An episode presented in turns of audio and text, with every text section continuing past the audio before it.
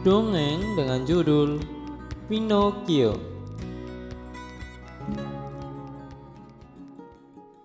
Ada seorang tukang kayu yang tinggal di sebuah rumah yang kecil.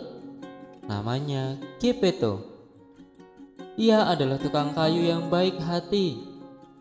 Geppetto hanya tinggal bersama Jimny si jangkrik. Malam itu ia sedang membuat boneka kayu. Tetapi boneka kayu itu tidaklah sembarangan. Ia membuat dari kayu pilihan yang ada di hutan. Kedua tangan Geppetto dengan penuh kesabaran dan ketelitian mengerjakan boneka kayu tersebut. Akhirnya, Geppetto berhasil menyelesaikan boneka kayu tersebut. Nah, aku sudah selesai. Ku namai kamu Pinocchio. Ujarnya. Geppetto lalu melihat jam dinding. Waktu sudah menjelang tengah malam. Ia memutuskan untuk segera tidur. Diletakkannya Pinocchio di atas meja kerjanya. Geppetto sengaja membuka sedikit tirai di jendelanya Cahaya bintang pun menerobos masuk ke dalam ruangan. Sehingga Pinocchio terlihat sangat bagus sekali. Sebelum memejamkan mata, Geppetto dalam hatinya berharap.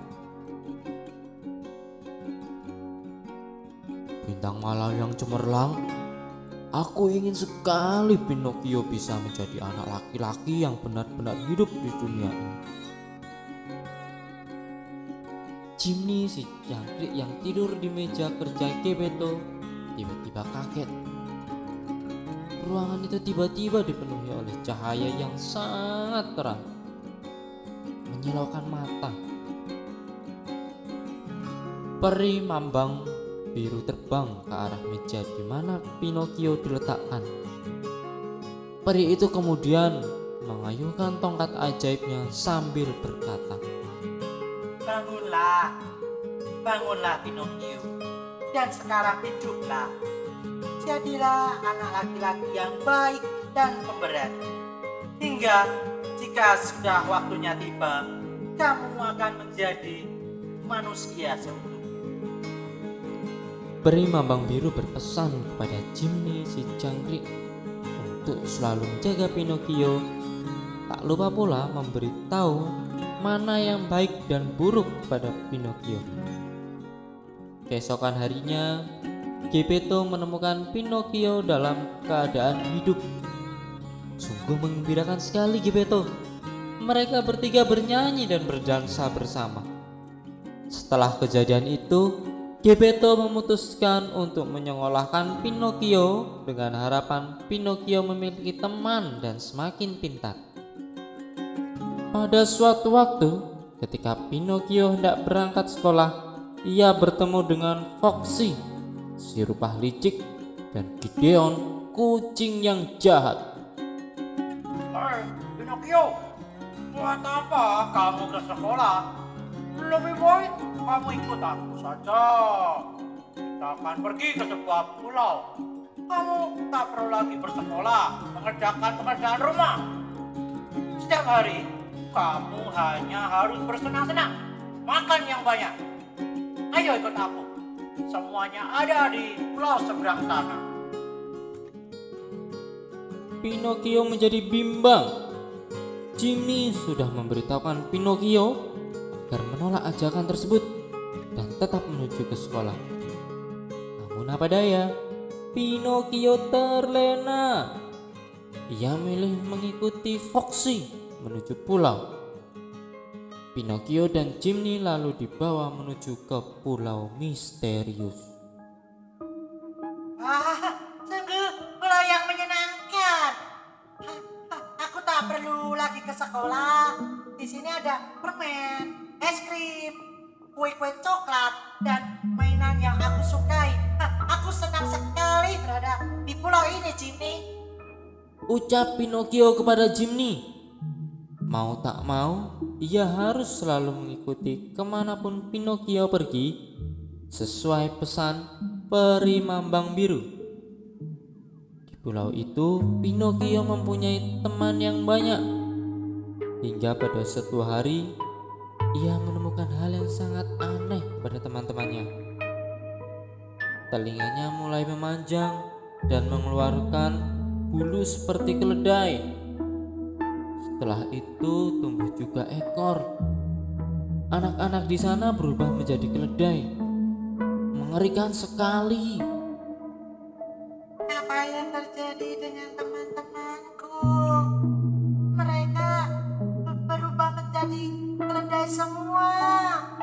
Tanya Pinocchio dengan penasaran. Ia juga meraba bagian telinganya dan ternyata kupingnya juga sudah tumbuh bulu dan memanjang.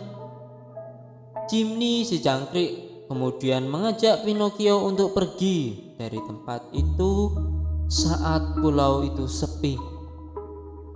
Keduanya lantas menuju tepi pulau, menceburkan diri ke laut, dan berenang menuju rumah.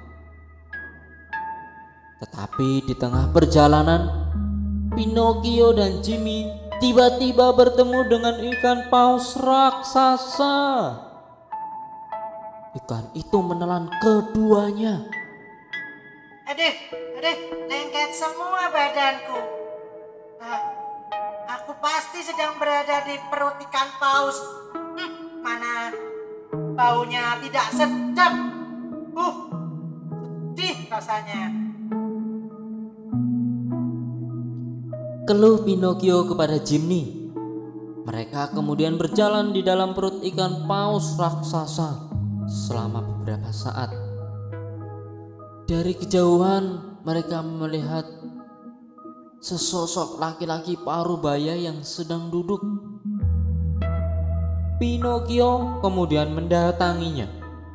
Begitu kagetnya dia, ternyata laki-laki itu adalah Geppetto ayahnya. Ayah, ayah, ayah kenapa ada di sini?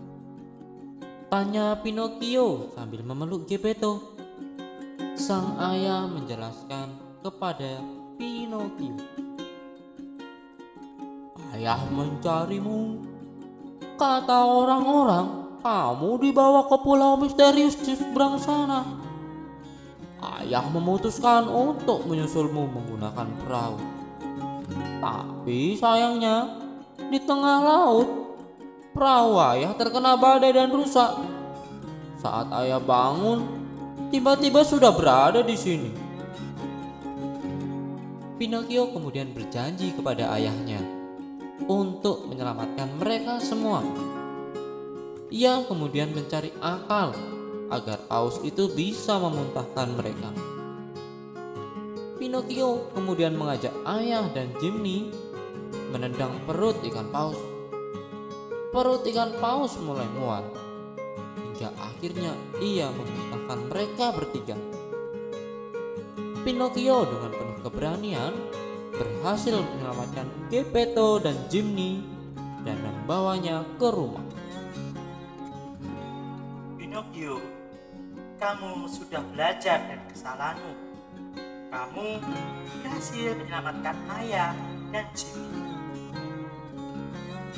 Kata peri sewaktu menyambut kedatangan Pinocchio di rumahnya. Aku akan menepati janjiku kepadamu. Mulai sekarang, kamu akan menjadi manusia seutuhnya, Pinocchio. Tapi kamu harus janji, kamu harus selalu berbuat baik kepada sesama dan lingkungan. Pinocchio mengangguk dengan penuh semangat dan berjanji untuk selalu menebarkan kebaikan. Peri Mambang Biru lalu mengayunkan tongkat ajaibnya. Seketika itu pula Pinocchio menjadi manusia. Ia menjadi anak laki-laki yang tampan. Jimny senang sekali melihat sahabatnya berubah menjadi manusia. Geppetto sangat bersyukur atas peristiwa itu. Mereka pun menjadi keluarga yang bahagia dan selalu berbagi kepada sesama.